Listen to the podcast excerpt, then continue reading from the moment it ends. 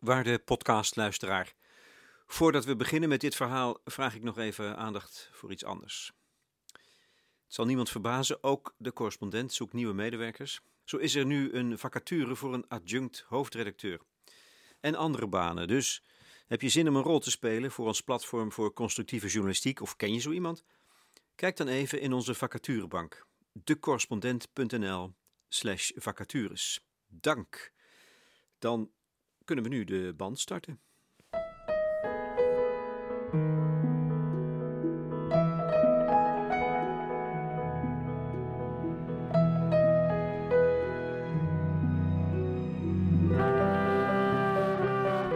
Goede gesprekken bij de correspondent. Ditmaal met Marjoleine de Vos. Vanwege haar boek Een dolgelukkig Montessori-varken. Over lekker eten. Dit is natuurlijk zijn stukken echt door de jaren heen. En, eh, en eh, veel van die stukken hebben in de krant gestaan. En het was in de krant ook altijd gewoon mijn, nou ja, mijn hobbyhoekje, zal ik maar zeggen. Om, eh, om over eten te kunnen schrijven. Ik schreef verder meer over ja, literatuur, levensbeschouwing, poëzie. Ik maakte interviews, nou, dingen die, die je doet. Maar dat koken, daar had ik altijd het gevoel, daar kan ik me helemaal in uitleven. Ook, uh, ook uh, stilistisch, je voelt je wat vrijer. Dus je kunt een beetje dollen ook in die stukken. Of, en dat, ja, dan komt jouw humor naar boven. Ja, maar dan, dat, dat kan daarin echt heel goed. En dat, want er zijn ook wel eens mensen geweest die vroegen van... bent u dezelfde Marjoleine de Vos die, die ook over eten schrijft? Hè? Als ik dan ergens kwam om het over poëzie te hebben of zoiets... Of, over uh, moeilijke dingen. en uh, ja, en uh, dat is ook. Ik denk dat heeft iedereen heeft toch ook verschillende kanten. Ik, weet, ik, ik ben best een melancholicus, maar ik, ik ben ook wel een levensgenieter ook altijd geweest. Alle twee die dingen.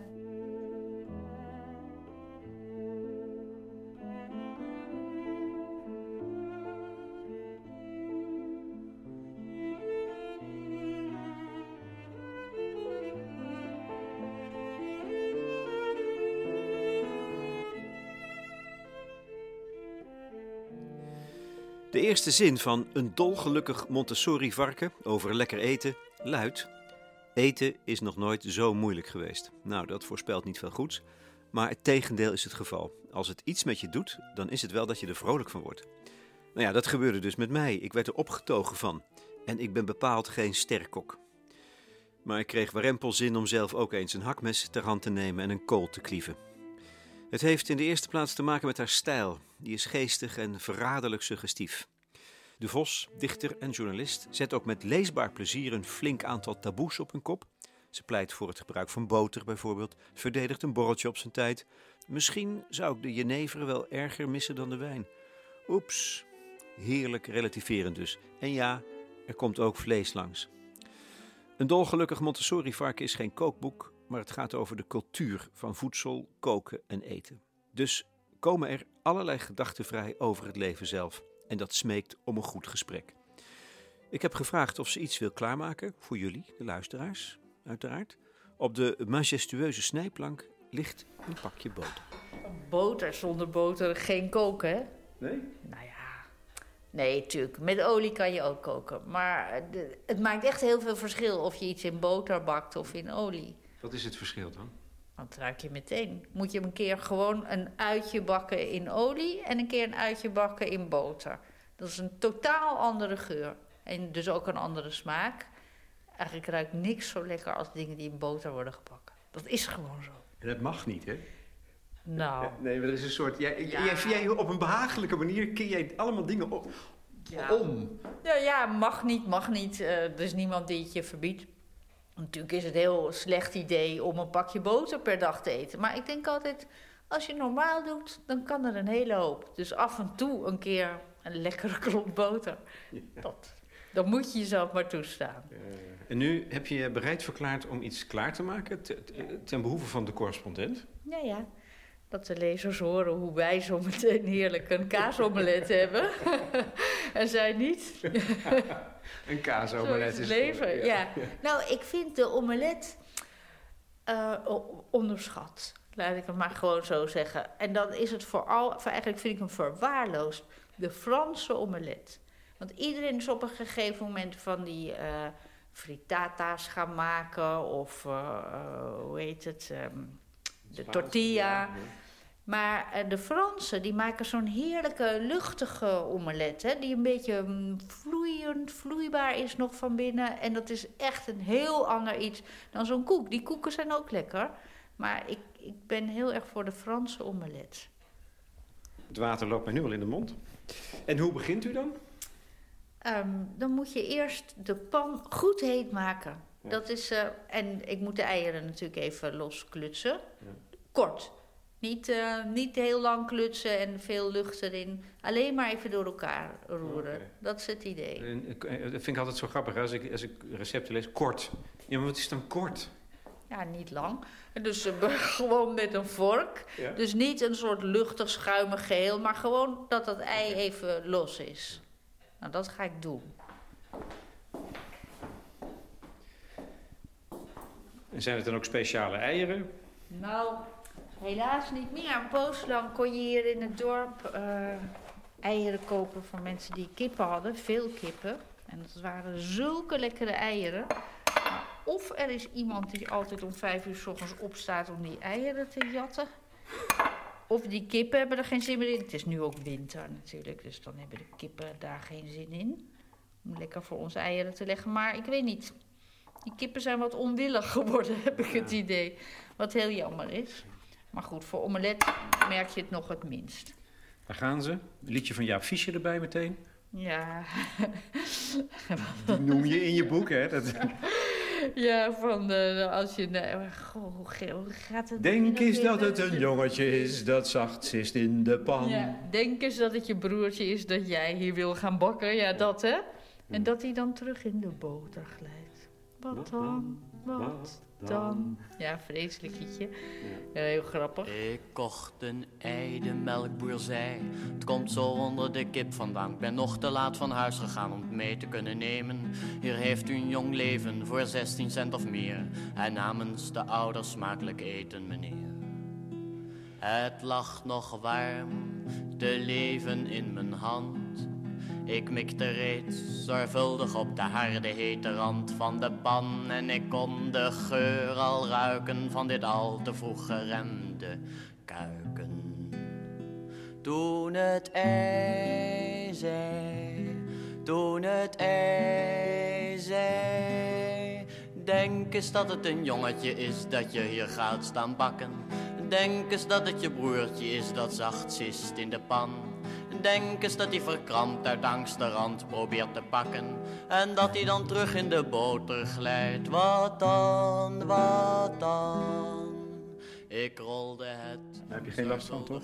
Ondanks het liedje van... Nee, nou met eieren. Ja, sorry, ik heb net twee stukjes schil. eh, een moeten beetje, er die wil ik eruit hebben, want anders bederft alles. Het zijn minieme scherfjes, splinters. Ja, maar toch net twee. Nou, ik, die vis ik er zo met een vork eruit.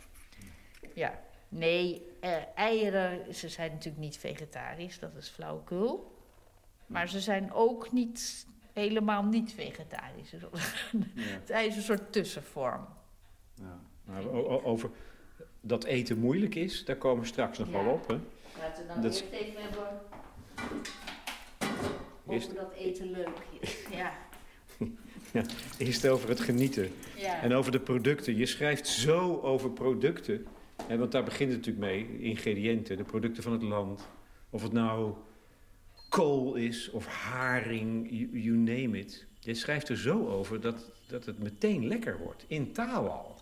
Maar ik vind het ook lekker. Dat is denk ik gewoon waarom het werkt. Hè, je moet eh, Beetje peper erbij. een beetje peper erbij. Ik doe er geen zout bij, want ik ga er kaas in doen. Hè. We willen niet... eh, stukjes. zie je, zo makkelijk is het niet. De vos. Nee, dat is zo. Dat denk je, doe je wel. Dat pretenteer je wel. Ja, maar dan zal je altijd net zien, dan wil je het eens leuk, leuk doen. En dan heb je een stukje eierschil dat is verdomd om zich weer te laten pakken. Nou, dan is die hele omelet dus bij voorbaat afgeknald. Echt waar? Nee, nee. Maar het is niet Maar luistert fijn. nou, ja, luistert Het is nou. gewoon niet prettig om op iets te... Kijk, het is een Nou beetje ja. door, met een vorkje door elkaar heen ge- geroerd. Niet eens dat je denkt het is egaal geel. Nee, nee, dat hoeft ook helemaal niet. Dat is juist het misverstand waaraan menige omelet leidt. Er wordt veel te veel in gekleurd. En er wordt niet, vaak ook niet heet genoeg gebakken. Een, een omelet moet je echt... Ik snij een royale klomp boter af, anders hebben we er ook niks aan. Die gaat in de oh, hete pan. Lekker meteen een beetje te spetteren, sputteren. Ja, ik sta je in de weg, hè? Ja, je staat mij in de weg, want ik moet ook bij de kaas kunnen. Ja, en eh, ik ben niet bepaald een eh, geweldige keukenhulp. Nee, nee, de... de... Ja, Die wil je sowieso eigenlijk niet, volgens mij, keukenhulpen. Jawel hoor. Nee, tuurlijk wel. Een een goede keukenhulp is, is goud waard. Maar ehm Maar een slechte zoals ik... eh, iemand die in de weg loopt, daar heb je heel weinig aan. Ja. Even, ik rasp eerst even die kaas voordat ik die boter laat smelten. Want de omelet moet ook... Oké, je hebt- dat je- gaat snel als je je hebt de pan eraf gehaald en eerst wordt de kaas geraspt. Ja, ja, want ik was... eh, ik ben nu zo opgewonden dat ik alles door elkaar begin te doen. Maar dat moet niet. Eigenlijk een van de belangrijkste dingen is, zeker bij omelet, zorgen dat je de mise en place in orde hebt. Hè? Dat is in de keuken sowieso wel eigenlijk een punt waar ik vaak niet genoeg geduld voor opbreng, geef ik toe. Maar eh, eigenlijk moet je zorgen dat je alles hebt klaarstaan. Voordat je begint. Voordat je pannen op het vuur gaat zetten. En je bent natuurlijk geneigd om lekker te beginnen. Dan staat die pan daar al. Met de olie die staat te verbranden. En dan eh, moet je nog ondertussen iets doen. Dat is allemaal onhandig. Nu moet Ik, je ik- even op ja, ja, ja, ik, maar ik, ruik- ik, ruik- ik, ik begon die kaas te ruiken. Ja, dat kan. Oh, lekker. Hele lekkere kaas. Ja, hè? Wat is, Ja, wat is het voor kaas? gewoon, Nou, eh, overjarige kaas. Vind ik altijd heel lekker. Eh, vooral boerenkaas. Daar hou ik eigenlijk het meest van. Die heeft vaak een beetje zo'n penetrante stalsmaak. En dat vind ik heerlijk. En ook eh, eh, oude kaas. Ik, ik hou veel meer van oude kaas dan van jonge kaas. Wat nootmus- nootmuskaat geraspt erbij. Ja, nootmuskaat verhoogt de smaak van kaas. Ja, dat is echt waar. Dat maakt... Ja, waarom zou het niet echt waar zijn? Het is zo.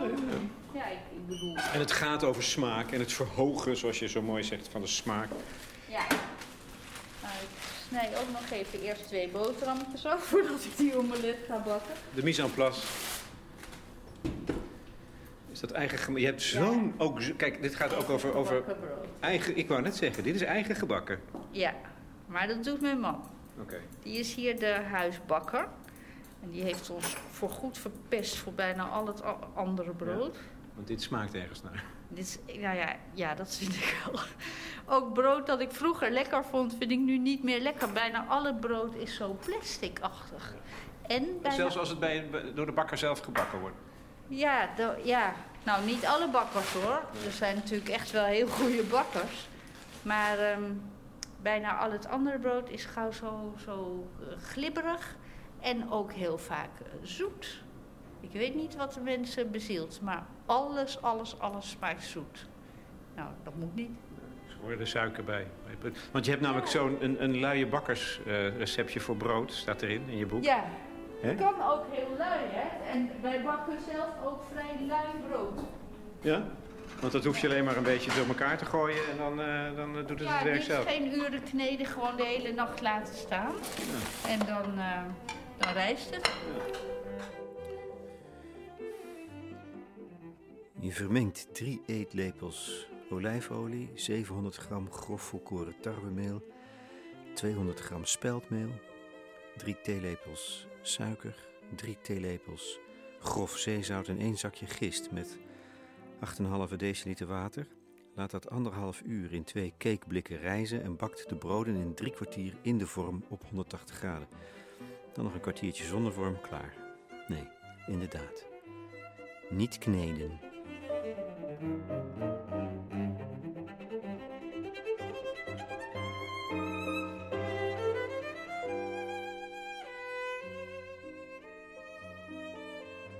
En dan krijg je juist ook, eh, zeker als je witbrood wil maken of, of eh, ciabatta of stokbrood, dan krijg je die fijne onregelmatige structuur, hè, die Frans brood ook altijd heeft. Dat, dat is niet een heel fijn netwerkje van, van kinkhoorn daar binnenin. Dat zijn gaten en, eh, en het gaat om de korst. Gaat het om de korst? Bij brood? Bij wit brood wel. Oh, ja. Bij, bij, Want daar zit de smaak in eh, weer dan. Ja, Ja, ja. daar krijg je natuurlijk die Maillard-reactie aan de buitenkant. Hè, doordat het eh, verbrandt, een beetje, die buitenkant, of karamelliseert kun je zeggen. Dat geeft smaak. En heb je die lekkere knapperige korst en dan dat grote zachte binnenwerk. Dat is heel lekker voor, voor sommige soorten brood. Ja, voor bruin brood ligt het weer een beetje anders. Dit is voor korenbrood. Twee sneetjes Ja. worden klaargelegd. En nu ga ik dan eindelijk die, die omelet bakken. Dan moet ik die pan eerst weer even de kans geven om uh, Heet weer worden. te worden. Het is niet erg dat hij er even af is geweest. Die boter vindt het niet erg. De boter kan daar wel tegen. Vooral om dat hij zo Want jij- jij- heet is. Kijk, Ja. jij, jij kan volgens mij alles koken. Maar jij vindt zoiets ook nog steeds leuk of fijn. om Ik te- vind omelet maken echt ja, heel leuk. Sinds ik ooit een keer, eh, ik geloof dat dat via Julia Child was, die, die deed een, een kookschool in Parijs. Ik denk in de jaren 50 of zo. En eh, ja, daar leerde ze dan ook omeletten bakken. En dat, want ze dacht dat ze dat natuurlijk wel kon. Moest ze dat voordoen. Van, oh, nou ja, ze zei eh, flink klutsen en eh pan een beetje zo warm maken. En nou rustig een omelet bakken. Nou, die, die kok die begon te schreeuwen en te gillen. Zo kon het allemaal niet. Die pan moet heel heet zijn. Dat, en dat is echt het geheim. Het moet heel heet zijn. En, de eh, boter wordt bijna bruin. ja, maar die moet niet echt ook niet bruin worden. Dat is ook niet te En doen. hoe zie je nou dat die heet genoeg is? Nou hoop ik dat maar, omdat ik er dus stom heb gedaan om die pan eraf te hebben gehaald. Maar dit is oké. Je hoort het geluid, hè? Nu gaan we dit doen. Pru- Pruttelen, een beetje sch- schudden. Flink schudden met die pan. Die kaas er even zo erop leggen. De truc is gewoon flink schudden. Kijk, dan gaat hij ook al oprollen, zie? Dan vouwt hij dubbel. Ja. Maar dat moet hij gewoon min of meer uit zichzelf doen. Oké. Hij is een beetje weerspannig. Ja, dat hoort hij. Maar dat het komt, is, het dat komt. is oké. Oké. En klaar. Dus nu is hij... Hè? Dit is het? Ja, dit was het. ja, dacht hier nog uren te gaan staan kijken. Maar nee. Oh, en die ziet er heel... Ja, moet ik zeggen... Dat Nee, is is, is- dat is een beetje vochtig ziet hij eruit, hè? Precies, dat is wat ik zeg. Een, een Franse omelet is Ja. het. Dus die moet van binnen nog een beetje smeuig zijn. Smeuig is het goede woord, ja. Ik, ik, ik, ben... Ik zoek soms naar woorden, terwijl jij een virtuoos taalgebruik hebt. Een zwijfje koriander, lees ik dan. Of iets is dul, vind ik ook zo mooi. Ja, dul. Ja, sommige dingen zijn heel dul. Suf. En dat betekent? Suf. Saai. eh, niks aan. Dit ruikt lekker. We gaan hem nu Ze likt de opeten. spatel af.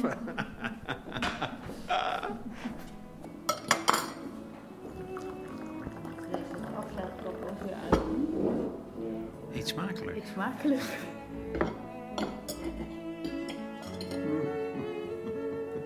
Lekker.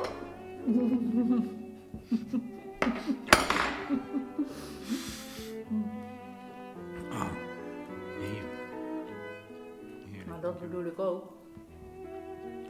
Als het eten echt lekker is, krijg je meteen een goed humeur. Jij begint nu gewoon te lachen. Niet omdat er iets te lachen valt, maar omdat je vrolijk wordt. Omdat je iets zo lekkers ehm, in je mond stopt. En dat het nu net gemaakt is. En nou, al die dingen die, die werken gewoon mee. Die maken mensen ja, gelukkiger, gezelliger. ehm, geven toenadering. En het is iets heel eenvoudigs. Ik bedoel, dit is niet heel nuffig gedoe. Het is gewoon een omelet. En daar krijg je toch al een goed humeur van. Nu wat muziek. Doe even een, een gelukkig stukje muziek erbij. Bij de maaltijd.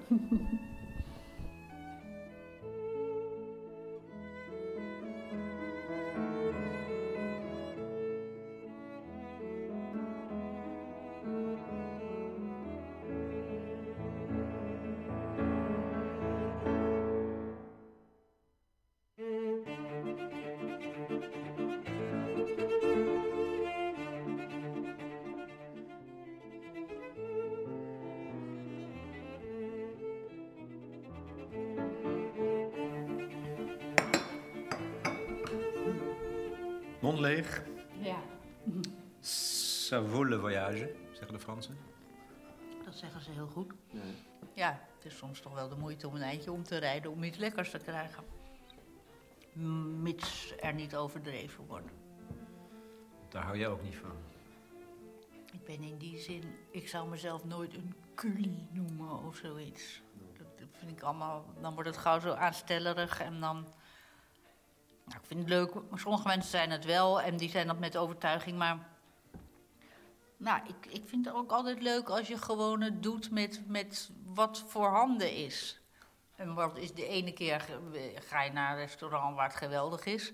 En de andere keer eh, zit je op een rotsblok met, eh, met een stukje brood en een stukje rare kaas. En dan ben je ook heel erg content. Of dan denk je eigenlijk dat er niks lekkerders is dan buiten een gekookt ei opeten. En dat is ook zo. Wat mij treft in je boek, Een dolgelukkig Montessori-varken, is dat het... Ja, het, gaat, het is niet een kookboek volgens mij, maar het is een boek over levenskunst, denk ik. Ja, hum. Eh, uitgangspunt was wel gewoon koken hoor. Maar niet, eh, niet, niet als kookboek natuurlijk, want er staat niet in hoe je de dingen moet doen. Het is geen receptenboek en ik hou ook niet van recepten schrijven. Maar ehm, ik hou heel erg van kookboeken lezen. Dat vind ik vind echt ontzettend leuk. Want dan krijg je, daar krijg je ook zoveel levenslust van. En dan loop je, dan, dan blader je dat door en denk je, oh, dat ga ik maken. Oh nee, dat ga ik maken. Maar dat wil ik ook maken. Als ik nou een keer heel veel mensen krijg, dan, hè, dan ga ik dat hele varken vullen of dan ehm, ga ik die hele bloemkolen in de oven doen en een knolselderie en ik ga dan nog heel veel dingen die je allemaal heel leuk lijken en dan de hele tafel vol laden. Nou ja, dat is allemaal heel enthousiasmerend, vind ik, van de kookboeken. Jij zegt, ehm, nou, ik denk dus niet dat het een kookboek is, maar dat het over eten gaat en levenskunst. Jij zegt levenslust. En dat is al één aspect, hè? Dat het, Ja. dat het, dat het echt eten, Ja. en dan vooral lekker eten, dat, dat stimuleert de levenslust. Ja, maar dat is niet niks. Nee, dat is eigenlijk zelfs heel belangrijk, toch? Je moet, eh, of je moet, maar het is fijn als we er een beetje zin in hebben. En, eh, en ik vind dat je heel makkelijk zin krijgt in het leven eh, als je lekker eet. En ook als je, als je kookt. Dus het gaat mij niet alleen maar om het eten. Ik zou niet als een soort dikke dwerg van restaurant naar restaurant willen rijden. Of, daar vind ik helemaal niks aan. Ik vind het leuk om te bedenken wat ik ga maken. Ik vind het leuk om te koken. Koken heeft ook heel veel eh, tactiele kanten. En, en eh, sowieso, het is een heel zintuigelijke bezigheid. Behalve dan dat je soms wel heel veel moet hakken en snijden. Maar goed, dat moet. En, eh, en vaak eh, maak je het ook voor iemand of voor meerdere iemanden. En dat is, heeft ook iets leuks, iets feestelijks, dat je ergens naartoe leeft. Ja, soms ben ik eigenlijk al klaar als ik dan het eten gekookt heb en eh, ik heb het bedacht, ik heb het gemaakt. Ik denk soms, nou, ze hoeven helemaal niet meer te komen. ik heb het al gehad. maar dat is natuurlijk niet zo. Als mensen er dan eenmaal zijn, vind ik dat ook weer leuk. Maar, eh, maar ja, dat zegt toch veel over, over de, de kracht van, van wat dat is, eten. Je, je, hebt, je gebruikt zelf, zelfs de woorden, het, het, eh, het heilige en hogere van eten. Ja, nou, dat is natuurlijk ook een beetje ironisch, eh, gebruik ik dat wel. Ik geloof niet helemaal. Niet alleen. Nee, niet alleen, maar ook wel. Ja. Nou, vooral ook, ook wel een beetje in, in eh, eh, protest tegen al die mensen die vinden dat het er allemaal helemaal niet toe doet. Dat, daar heb ik altijd wel zin om wat tegen te protesteren. Die van, ja, je kunt toch ook kant-en-klaar gerechten halen? Ja, dat kan je doen. Ja, je kunt je hele leven tot één grote saaie drap maken. En als je dat wil, dan moet je dat doen.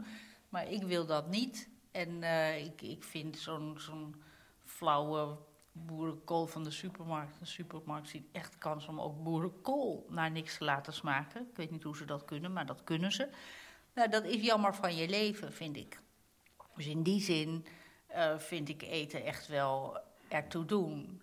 En, eh, en natuurlijk heeft het uiteindelijk ja, het heilige en het hogere.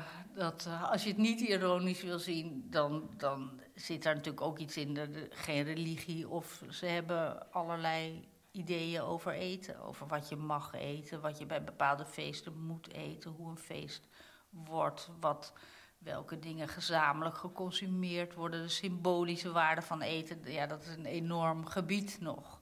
Ja. Maar ja, meestal als je in de keuken staat, sta je daar nou niet echt zo aan te denken.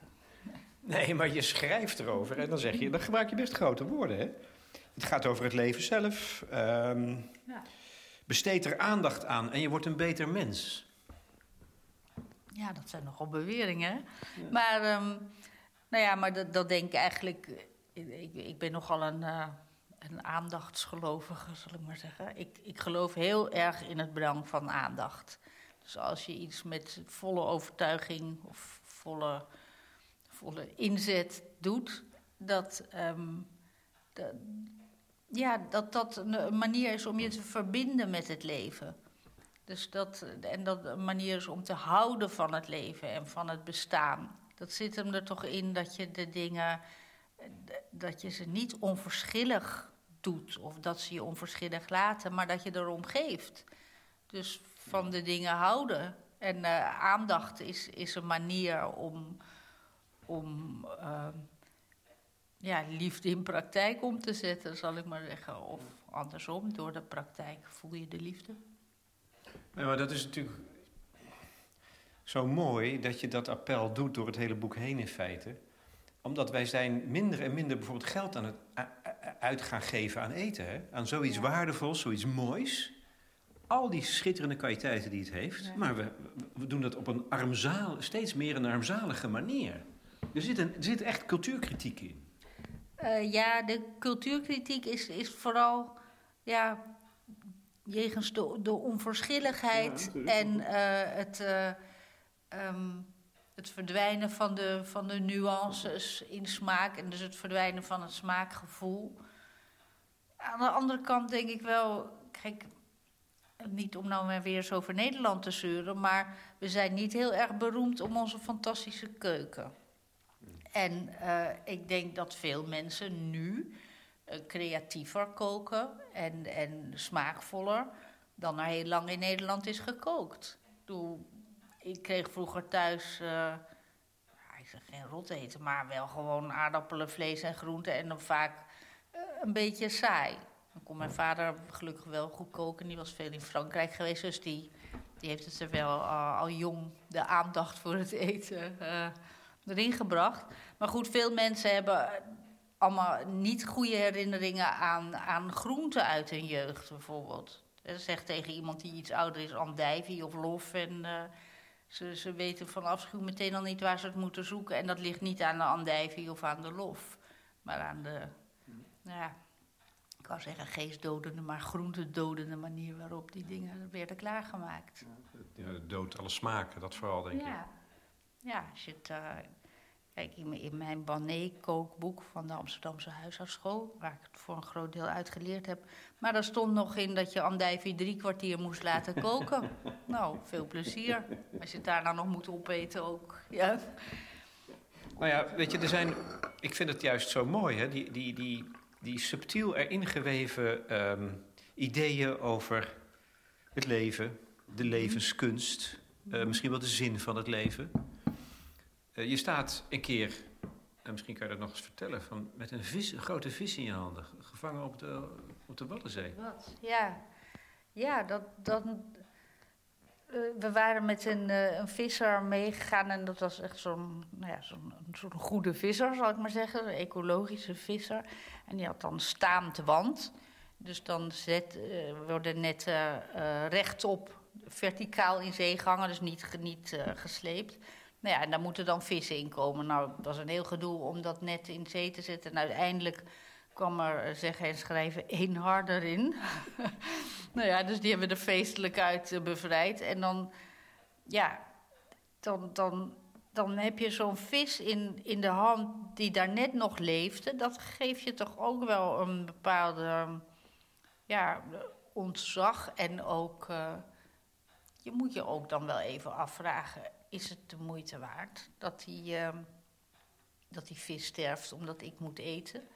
Daar ga je niet misschien op dat moment heel diep op in. Maar uh, goed, we eten vissen. En het is wel een levend wezen geweest daarnet. En stel je dan voor dat je dan gewoon zou zeggen... ah, kan me niet schelen, ik hou niet zo van vis. Of dat je die vis zou verpesten. Dat zou toch allemaal reusachtig zonde zijn. Het is, het is een... Uh, ja, nou niet meteen zeggen van hij was een schepsel gods... maar in zekere zin wel. En... en uh, hebben we daarmee te maken natuurlijk met alles wat leeft en wat we opeten. Dat geldt niet alleen voor vissen of dieren, of, maar met planten heb je het soms ook wel. Dan zie je die, dat groeien en denk, ja, ik snijd dat toch af. Ik pluk dat af, ik hak dat in stukjes. Nou ja, dat ik er dan maar een beetje zorg voor draag ook. Nou ja, precies. Het leidt niet tot gewetensnood, of misschien ook wel een beetje. Want die eerste zin zo'n beetje, eten is moeilijk ja. geworden in onze tijd. Ja. Maar um, kijk, wat ik mooi vind is dat daar de dood mee gaat spelen. Hmm. En niet als iets wat dan kwalijk is of zo, maar dat je daar dus ook aandacht voor moet hebben, juist. En dat dat allemaal bijdraagt aan het waardevolle van wat leven is. Ja, nou ja, het is natuurlijk ook gewoon heel eenvoudig zonder te eten. Als je niet eet, ga je dood. Hè? Dus het is, uh, het, het, is iets heel bazaals. En uh, we we kunnen er heel, heel eh, nuffig over gaan doen en, en gaan praten over een bepaald glazuur op een koekje. Dat vind ik ook heel leuk hoor, daar gaat het niet om. Maar aan de, aan de basis ligt gewoon dat we het moeten doen. En dat we er met elke hap die je in je mond steekt, doe je iets. Iets dat de wereld beïnvloedt en uh, je neemt een beslissing. En dat is, dat is nu zo langzamerhand wel tot, tot angstaanjagende hoogte gestegen natuurlijk, dat gevoel. Vroeger kon je dat nog een beetje laten zitten. Maar nu, um, ja, je, je, je verpest meteen het klimaat als je het verkeerd gaat eten. Ja, nou ja, zo is het wel. En je veroorzaakt leed en uh, je, je doet met alles, ja, alles wat je doet, doet ertoe. Nou ja, dat, dat vind ik geloof ik het krachtige ook. En het, en het mooie, dat, dat je bent niet blind hè, voor wat er in aan de hand is in de wereld. Maar je doet een, je pleit toch voor het vieren van dat eten, dat zo belangrijk is en zo mooi is. Hè? En daarmee dus, ja, dat mogen we niet vergeten. Nee, nee, dat mogen we zeker niet vergeten. En, en ook het, het uh, ja, inderdaad, het, plezier ervan. Dat is, anders heb je alleen maar gewetensnood. En dan kom je uiteindelijk tot de conclusie dat het allerbeste wat je kunt doen voor de wereld is ophouden met bestaan. Ja, die conclusie kan je gaan trekken, maar daar heb ik dan even niet zoveel zin in. Hè? Dus uh, dat zou misschien voor de wereld beter zijn, maar voor ons als mensen niet. We willen bestaan en dan moet je dat uh, zo, zo uh, goed mogelijk doen, maar ook zo plezierig als binnen de mogelijkheden ligt. Ja, ik denk dat dat ook is wat mensen bedoelen als ze het over verbinding hebben. Dat je je verbindt met je omgeving. Nou, ik noem dat liever aandacht.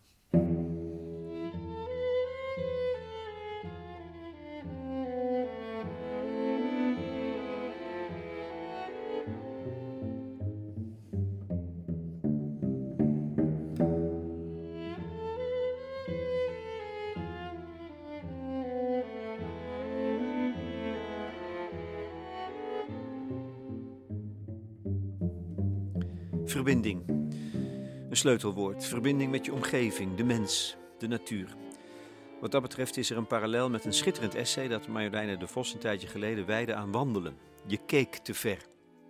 Het gaat over dezelfde dingen als haar boek over lekker eten. Ik citeer: Wie buiten loopt, verwondert zich eerder over het geel van het riet of de zonnevlekken onder een boom, dan over het feit dat het kijkende oog bestaat. Aan zulke dingen denk je dan niet. Je wordt je kijken, je blik. Op sommige momenten, Momenten die we soms met mystieke eenwording aanduiden, maar die, als je toevallen, heel vanzelfsprekend zijn. Voel je jezelf niet bestaan, maar besta je. En ga je op in de wereld om je heen. De lucht, de zon, de geuren, het uitzicht. Dat alles ben jij en dat alles is goed. En een paar alinea's verder. Geluk is ook vaak de bevrijding van dat denkende hoofd. Helemaal je lichaam zijn dat zich helemaal goed voelt en zintuigelijk gevoed wordt. De lof der zinnen Je op die manier verbonden weten, zinvol zijn. In het wandelboekje is daarbij nog sprake van rouw over het verlies van een zeer dierbare vriend. Dat is nu niet meer voelbaar, alsof de rouw achter haar ligt. Ja, en ook omdat je het dan altijd over concrete dingen hebt. Dus het gaat steeds in die stukken over ja, echt iets doen. Van, van wat we dan nu deden, een omelet bakken, tot het... Uh, ja, het gaat ook een keer bijvoorbeeld over, over dingen die mislukken. Over een, een, tulband die ik een keer wilde bakken. En ik kon nergens een tulbandrecept vinden. Maar ik had wel een recept voor uh, iets wat kogelhopf heette. Nou, dat leek me eigenlijk vrijwel hetzelfde. Dus uh, ik die kogelhopf gemaakt en in de oven gezet. En die, uh, die begon eerst vrij letterlijk te hopfen. Want er vlogen allerlei stukjes heet deeg kwamen uit die, uit die uh. En die vallen dan naar beneden op de plaat van de, op de, de bodem van de oven. Begint geweldig te stinken. Dus je denkt, nou, dat is uh, leuk, hè? Bakken geeft een hele leuke sfeer in huis. En nou, uiteindelijk was hij klaar met zijn hopfen en uh, toen werd de bovenkant hard. Dus op een gegeven moment dacht ik, nou ja, dit, hij had er lang genoeg ingestaan. Ik stortte hem op een bord. Toen bleek dat er alleen maar een soort deksel opgekomen was. En daaronder zat nog gewoon ja, zinloze blubber. Dus het was een totale mislukking, dat ding. Maar goed, daar schrijf ik, dat is heel concreet.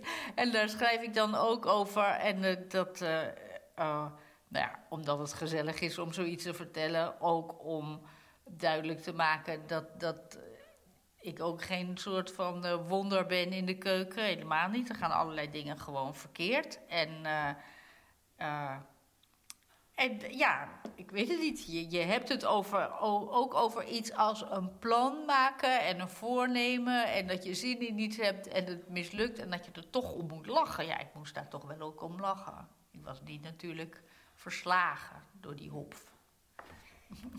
Nee, en dan opnieuw proberen. Maar, maar uh, concreet, dat is er zo goed aan. Maar dat is volgens mij ook het geheim van die wandeltocht. En je wandelt hier iedere dag. Hè, door dat, op het Hoge Land in Groningen. Nu is het grijs. Dik pak grijze wolken. Miserig, druilerig. Er zit nu een grote kraai, of is het een raaf, wat te pikken op het terras. Een kraai. Die woont hier. Die woont, oké. Okay. Jullie huis, huisgenoot, huisvriend? Dus een paardje, dat woont hier. En dat bewaakte terrein. Dat is echt fantastisch. Want ze zorgen dat er geen roeken komen of zulke veel hinderlijker vogels die in een grote troep gaan zitten en dan heel hard gaan gillen en poepen. Maar we hebben gewoon die twee kraaien en die, uh, nou ja, die hebben hier hun territorium. Ideaal. Maar als het gaat om het, de, de, de tocht door het landschap, dat is ook heel concreet. En in die periode, dat is, dat is volgens mij echt een droevige periode. Je hebt afscheid genomen van een, een, zeer dierbare vriend. Um, maar, maar in het concrete kan je dat weglaten. En dat geldt zowel voor het landschap, de, de luchten en de kleuren en de geuren en, de, en, het zicht, de sporen van de geschiedenis, als in het, het eten maken, volgens mm -hmm. mij. Ja, uh, wat iets belangrijks is ook, ook voor je um, innerlijk leven is ook juist om je te richten op iets buiten jezelf. Want als je de hele tijd maar blijft buigen over wat er in je omgaat, en ik zeg niet dat ik daar niet toe geneigd ben, maar um, dat, dat is ook een reden waarom wandelen echt goed is. Want je gaat naar buiten en natuurlijk loop je een hele hoop dingen nog steeds te denken, maar je wordt ook af en toe, ook niet de hele tijd, maar af en toe afgeleid door de dingen die je ziet. Doordat je ineens denkt, goh Mooi eigenlijk tegen die lucht, dat uh, kerktorentje. Of uh, hangen die appels daar nou nog steeds aan die boom? Moeten die er niet eens af? Of eh, allerlei heel gewone dingen die je denkt. En daardoor uh, verplaats je je aandacht naar, naar niet jou. En dat is soms heel erg goed. En dat werkt met koken natuurlijk ook zo. En daar komt ook bij, bij die beide activiteiten dat ze ook iets uh, uh, lichamelijks hebben. Dus ik bedoel, je bent iets aan het doen. Je wandelt of je bent aan het snijden en hakken en zo. Dus je hebt ook voor een deel je aandacht nodig bij koken, zeker. Bij wat je aan het doen bent. Als je je aandacht besteedt aan iets anders, dan. dan ja, je, je bent niet, niet in de rouw op het moment dat je een omelet bakt. Of soms ook wel even, maar ook wel even niet. Hè? Dus je wordt, je wordt ook een beetje, nou ja, afgeleid is niet alleen het woord. Het is je, je richt je ook op iets anders. En dat verdriet is er toch wel. En daar hoef je nou echt niet je voor in te spannen om dat eh, bij je te houden. Nou, je spreekt er ook over in termen van troost, hè? Troost eten. Maar dat is dan dus echt het koken, het kokkerellen. Bezig zijn. Ja, ik vind het, het koken is meer de troost dan het eten. En uh, dat kwam op een gegeven moment echt in de mode. En dat kwam natuurlijk uit Engeland, dat comfort food.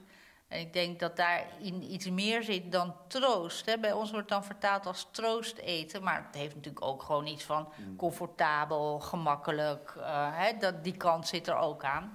Nou, we weten allemaal wel wat voor soort eten dat is. Zeg maar, zeggen, genre uh, macaroni met kaas. Hè? Iets dat smelterig is en vettig en hartig en gewoon heel lekker en makkelijk. Maar um, ja, ik heb ook wel eens gemerkt dat het mij meer troost om gewoon echt iets te gaan doen. Dus om, om eten te gaan klaarmaken, dat je, dat je even bezighoudt. Dat dat troostrijker is dan, dan gewoon die macaroni in de pan gooien. Of, of die pan dikke soep uh, uit de ijskast pakken. Het is wel leger ook, denk ik. Hè? Ja, dan ben je meteen alweer klaar. En dan moet de troost helemaal komen van, van de soep in kwestie. En uh, nu komt de troost ook van de geur van de boter en van dat uitje dat daar bakt. En, uh, en dat je denkt, oh, dat gaat lekker, ik ben leuk bezig. Uh, zal ik er nog een beetje van dit bij doen? Zal ik nog een beetje... Hè, zo. En da daar krijg je goed humeur van. En als je dan nog een beetje muziek aanzet terwijl je bezig bent... dan voordat je het weet sta je opgewekt een beetje te jodelen achter het aanrecht. En dan heb je toch een leuk, leuk uurtje. Dat is toch in het moment zijn, om het maar eens heel hip te zeggen. Weet je, dat je, dat je gewoon echt, dan is er niks anders meer, maar nu. Dit is nu. En dat is, dat is voor monniken een, een hoog ideaal. Ja, dat voor iedereen. Hè? Maar um, ja, dat is zo. En dat, dat, dat, is ook natuurlijk wat, wat ik bedoel met aandacht. Ja. Als je je aandacht helemaal, of als je helemaal op iets concentreert, dan, dan ben je daarmee bezig. En dan, dan is er alleen maar dat. Er is natuurlijk ook altijd een andere kant aan dat uh, in het nu zijn. Ik denk als je woedend bent of bang of, uh, of hopeloos verdrietig, ben je ook in het nu hoor. En dat, dat streven we toch niet zo na. Nee. nee. Er is ook weer een andere kant aan. Ja, je moet ook weer uh, uit het nu. En dus je moet, je moet ook naar jezelf kunnen kijken en, en beschouwen. Je maakt altijd die, die heen en weer beweging.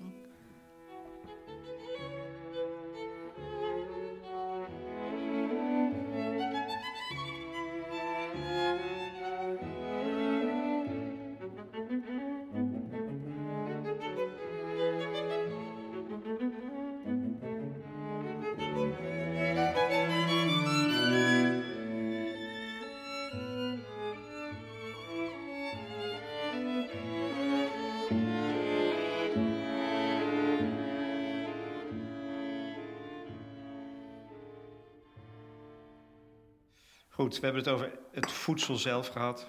de, de, ja, hoewel, ik, ik had je ook nog wel aan het woord willen horen over de haring. Weet je, soms is het ook zo, zo simpel als. dan is het goed genoeg. Dat vind ik ook zo leuk. Ja. Soms is het gewoon goed genoeg. Dan hoef je niet hele ingewikkelde dingen te verzinnen. Nee. Nee, maar dat is, dat is ook het leuke van eten natuurlijk. Je kunt het gewoon over één ding hebben. En dat is ook vaak goed genoeg. Um, dat, ja, ik doe tegenwoordig meestal uh, op vrijdag boodschappen op de markt. En dan koop ik gewoon een hele bende groenten ook. En dan moet je het ook doen met wat er is. Ja.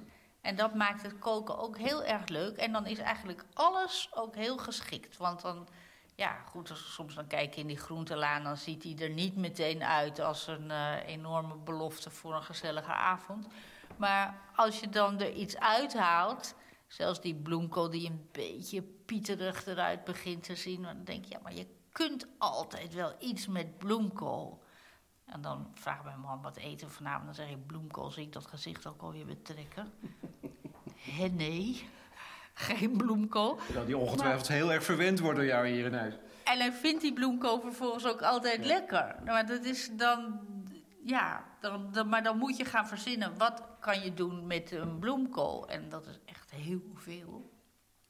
Je kunt hem roosteren in de oven. En dat, dat is lekker. Even kort voorkoken en dan een beetje goed heet in de oven. Met, eh, en daar kan je kruiden bij doen. Dat is ook heel lekker. Kan je hem ook gewoon met een beetje boter in smeren en verder niet zoveel. Ook goed.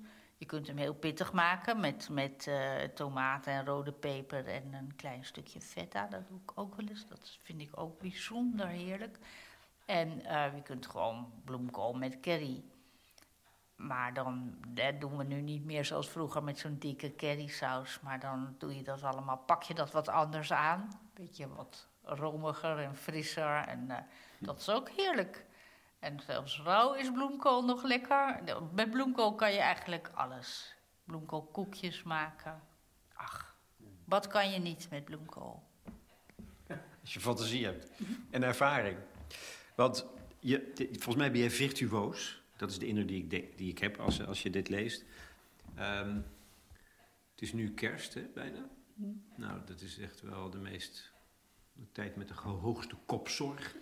Kan je dat ook, moet je dat ook allemaal een beetje relativeren? Kunnen we dat allemaal? Zo ja. achterloos en virtuoos? Ach, het is helemaal, je hoeft niet virtuoos te zijn. Wat je met kerst moet doen, is zorgen dat het, dat het gezellig is. En de mensen, uh, vaak moeten ze, moeten ze diverse kerstdiners opeten. En eigenlijk vind ik dat de grootste opgave van, uh, van kerstmis. Ja. Dat je mensen te eten krijgt die al aan hun derde kerstdiner zitten... En die zitten dan niet heel erg erop te wachten dat ik nog een keertje probeer om ze in een soort van Christmas pudding te veranderen. Dat willen ze niet. Ze zijn al uh, tot hier vol. Dus dan. Niemand wil dat, zoveel eten met kerstmis. Dus wat je gewoon moet doen, is een hele hoop uh, leuke dingen verzinnen en ze op tafel zetten. En dan kan iedereen daar een beetje uit kiezen. Dat is een heel goede mogelijkheid. Of je maakt dus een paar hele leuke kleine dingetjes. Dingetjes die je nog nooit gemaakt hebt. Dat vind ik dan altijd heel leuk. Om te denken, nou, dan krijg ik mensen, dan kan ik ook wel eens wat uitproberen. Je moet het gewoon zien als iets dat leuk is om te doen. Niet, niet als een probleem. En ook niet als iets, eh, als een, als een prestatieslag. Ja, ja. nou, dat is het wel geworden volgens mij. Je moet, je moet mensen overtreffen en epateren. Ja, ja. Nou, misschien kan je ze dan een keer overtreffen door iets heel gewoons heel lekker klaar te maken. Ik vind dat altijd. Ik zeg niet dat ik er helemaal geen last van heb hoor. Maar ik vind het wel heel leuk als je bij mensen komt eten en die hebben dan gewoon hutspot gemaakt of zo. En dan, ja, ja dus... als ze dat goed kunnen. Ja. Stond bij mij altijd vroeger met kerstmis op tafel, hè? Ja? Uh, uh, stampot boerenkool. Vaste prik. Dat was ook een soort daad van protest hoor, van mijn moeder, denk ik. Tegen mm -hmm. de, die andere kant van kerstmis. Ja. De, de, luxe. Terwijl, ja. Nou ja, een domineesgezin, dat stond dan voor iets anders ook. Ja, nou ja, dat kan je ook doen. Maar dan moet je wel, de boerenkool vind ik er wel echt iets van maken. Ja, en ook dat kan weer. Dat kan ook, ja. Ja, ik had gisteravond bij een vriendin en die, had er, um, die kan heel goed koken. En die had uh, door die boerenkool, om nu even concreet te worden... Uh, een, een soort van vinaigrette van uh, olie, balsamico en fijn gestampte venkelzaadjes gedaan. En dat was echt heel lekker. Want dat werd, als het warm wordt, gaat die olie ook een beetje geuren. En dan heb je die venkel erdoor. En dat, dat haalde die boerenkool geweldig leuk op. Daar zit wel kennis, hè? Kennis over hoe je smaken verhevigt. Want dat is het geheim van goed koken, volgens mij. Ja, verhevigt of verfrist of uh, intensiveert. Het ligt er natuurlijk een beetje aan wat, uh, wat je onder handen hebt. En uh, ja, dat is het geheim van goed koken. Maar ook in een beetje. Dat is nog niet zo makkelijk als je dat een beetje subtieler wil doen.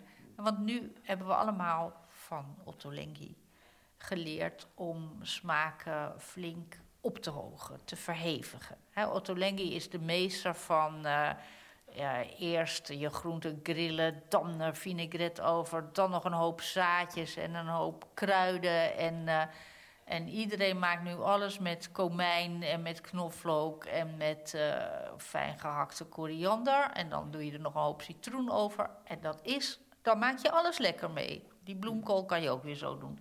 Is die meteen goed. Alleen op een gegeven moment denk je wel, ik geloof het nou wel met die komijn. Alles smaakt naar komijn, fantastisch. Alles smaakt ook naar knoflook, heerlijk. Maar nu wil ik ook weer eens wat anders. Hè? Dan wil je ook, ook een beetje een Franse smaak bijvoorbeeld. De modes komen en gaan ook in de keuken. Enorm, ja.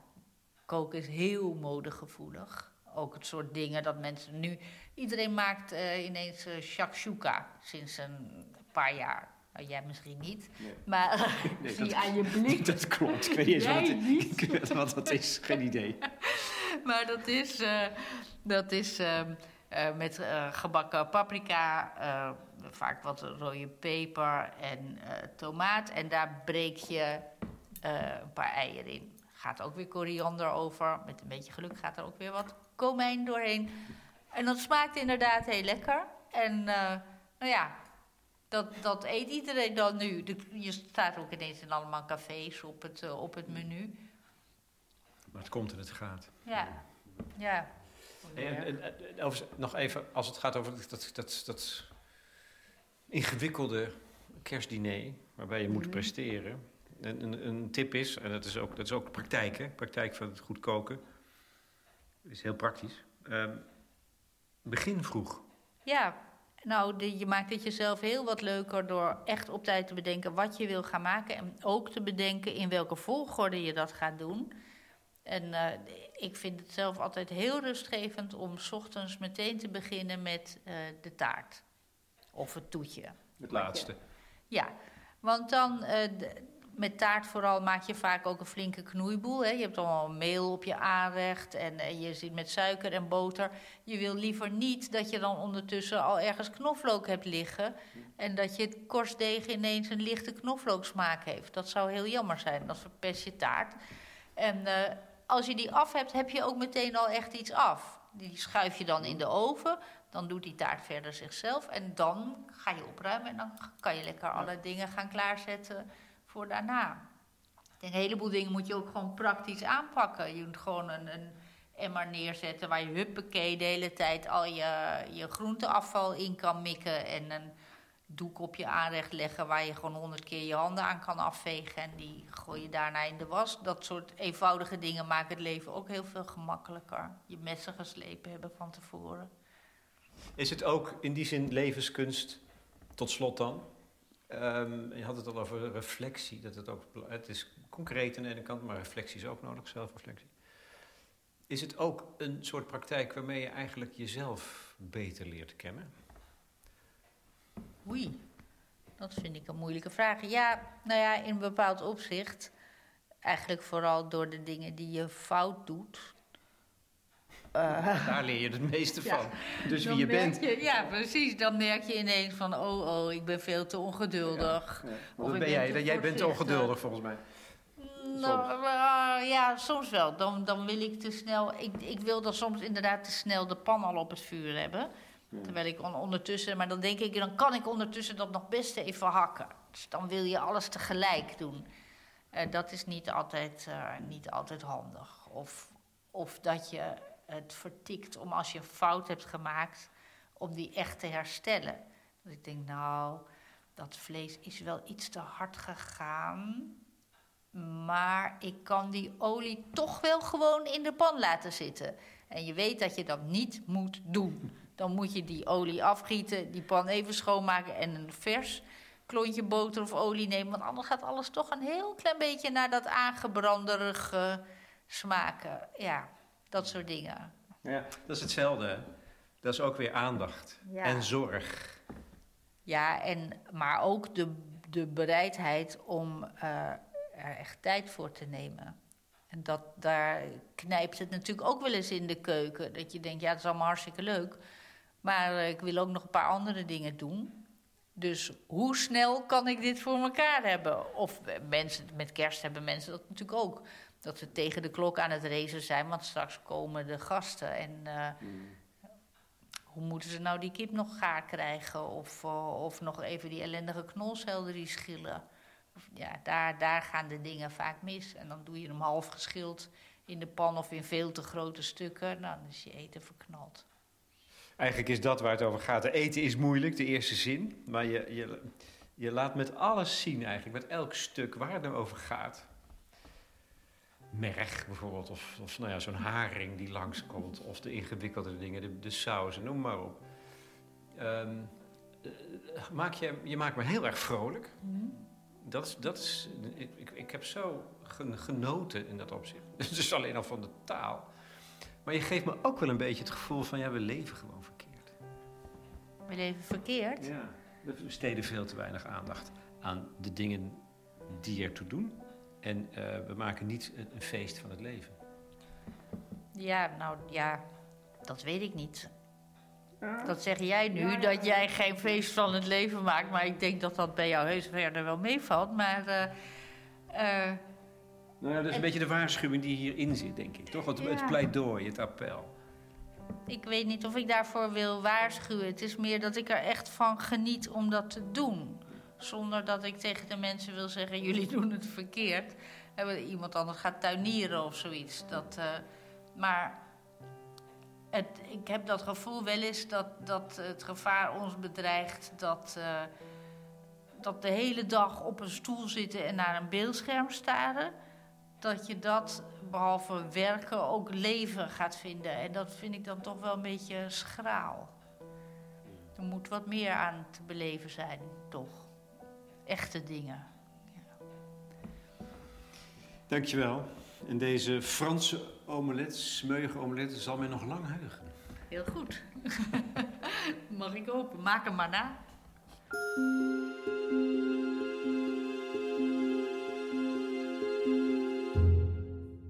Marjoleine de Vos in gesprek met Lex Bolmeijer voor de correspondent over haar boek Een dolgelukkig Montessori-varken over lekker eten. Het is uitgebracht door Van Oorschot. Als je wilt reageren, dan kan dat op ons platform. Helemaal onderaan de tekst op de site vind je het forum. Het is toegankelijk voor leden en je bent al lid voor negen tientjes per jaar. Daar krijg je dan een jaar lang kwaliteitsjournalistiek voor voorbij de waan van de dag. Een laatste opmerking over de muziek. Er zitten twee stukken in die tot de favoriete composities behoren van de Vos. Zo kan ik opmaken uit haar werk de Arpeggione-sonate van Schubert door Maisky en Acharich en het negende strijkquartet van Beethoven, het Andante door het Eben kwartet. En, oh ja, bijna vergeten, dat liedje van Jaap Fischer, Het Ei. Loopt dat eigenlijk wel goed af? Ik rolde het zorgvuldig in een deken en heb toen zelf twee weken liggen wachten op iets moois. Slecht verwarmd door een hoop, slecht verwarmd door een laken, tot het ei begon te kraken. En het kuiken zei, het kuiken zei, haha, het was geen jongetje dat je had willen bakken. Haha, het was je broertje niet dat in de pan was gegaan. En ik had me weer voor de zoveelste keer door een kuiken laten verlakken. Maar de volgende dag had ik rijst met hele jonge kip of haan. Het is de missie van de correspondent om voorbij de waan van de dag te gaan. Onze correspondenten voorzien het nieuws van context en schrijven over de grote thema's van deze tijd. De correspondent geeft me de vrijheid om mijn nieuwsgierigheid te volgen en de tijd om verhalen te schrijven. En zo probeer ik onzichtbare structuren zichtbaar te maken en een andere kijk te bieden op debatten die het nieuws domineren. Dan gaat het minder over het spelletje en veel meer over wat er op het spel staat. Vanaf dag 1 zijn onze artikelen, boeken en podcasts gefinancierd door onze leden. Volg ons op onze journalistieke zoektocht. Overweeg eens lid te worden van de correspondent. En maak daarmee samen met ruim 70.000 anderen onze onafhankelijke journalistiek mogelijk. Dus word lid van de correspondent. Ja. Word lid. Word lid.